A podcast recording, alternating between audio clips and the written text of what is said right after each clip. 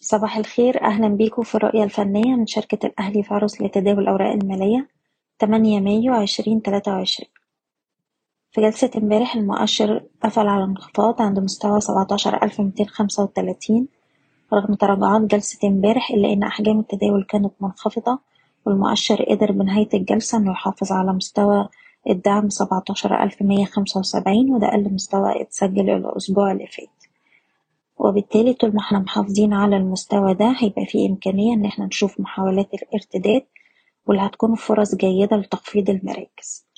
أول مستوى مقاومة دلوقتي عندنا عند السبعتاشر ألف ربعمية وعشرين وده مستوى مقاومة سنوي. لو قدرنا خلال الجلسة إن إحنا نتجاوز المستوى ده الأعلى هتبقى أول إشارة إيجابية.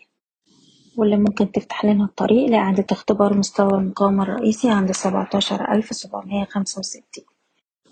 على الأجل القصير بننصح بالاستفادة من محاولات الارتداد لتخفيض مراكز الشراء بالهامش ورفع مستويات حماية الأرباح لأقل مستويات اتسجلت الأسبوع اللي فات حسب كل سهم على حدة.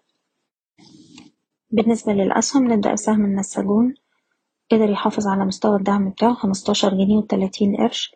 طول ما إحنا فوق المستوى ده شايفين السهم بيستهدف اختبار مستويات السبعتاشر وربع والسبعتاشر جنيه وسبعين قرش. سهم القلعة نقدر نرفع حماية الأرباح لمستوى الاتنين جنيه وسبعة قروش وده أقل مستوى اتسجل في آخر تلات جلسات. طول ما إحنا محافظين على المستوى ده في إمكانية نروح نجرب تاني على مستوى المقاومة عند الاتنين جنيه وربع. حديد عز مازال محافظ على مستوى الدعم بتاعه بتسعة وتلاتين ونص وطول ما إحنا فوق المستوى ده في إمكانية نجرب على مستوى المقاومة عند التلاتة وأربعين ونص. أقرب دعم لجلسة اليوم هيكون حوالين أربعين ونص. سهم سيدي كرير محافظ على مستوى الدعم بتاعه الواحد وعشرين سبعين. ومن هنا ممكن يروح يجرب مرة تانية على مستوى المقاومة عند التلاتة وعشرين ونص أربعة وعشرين جنيه.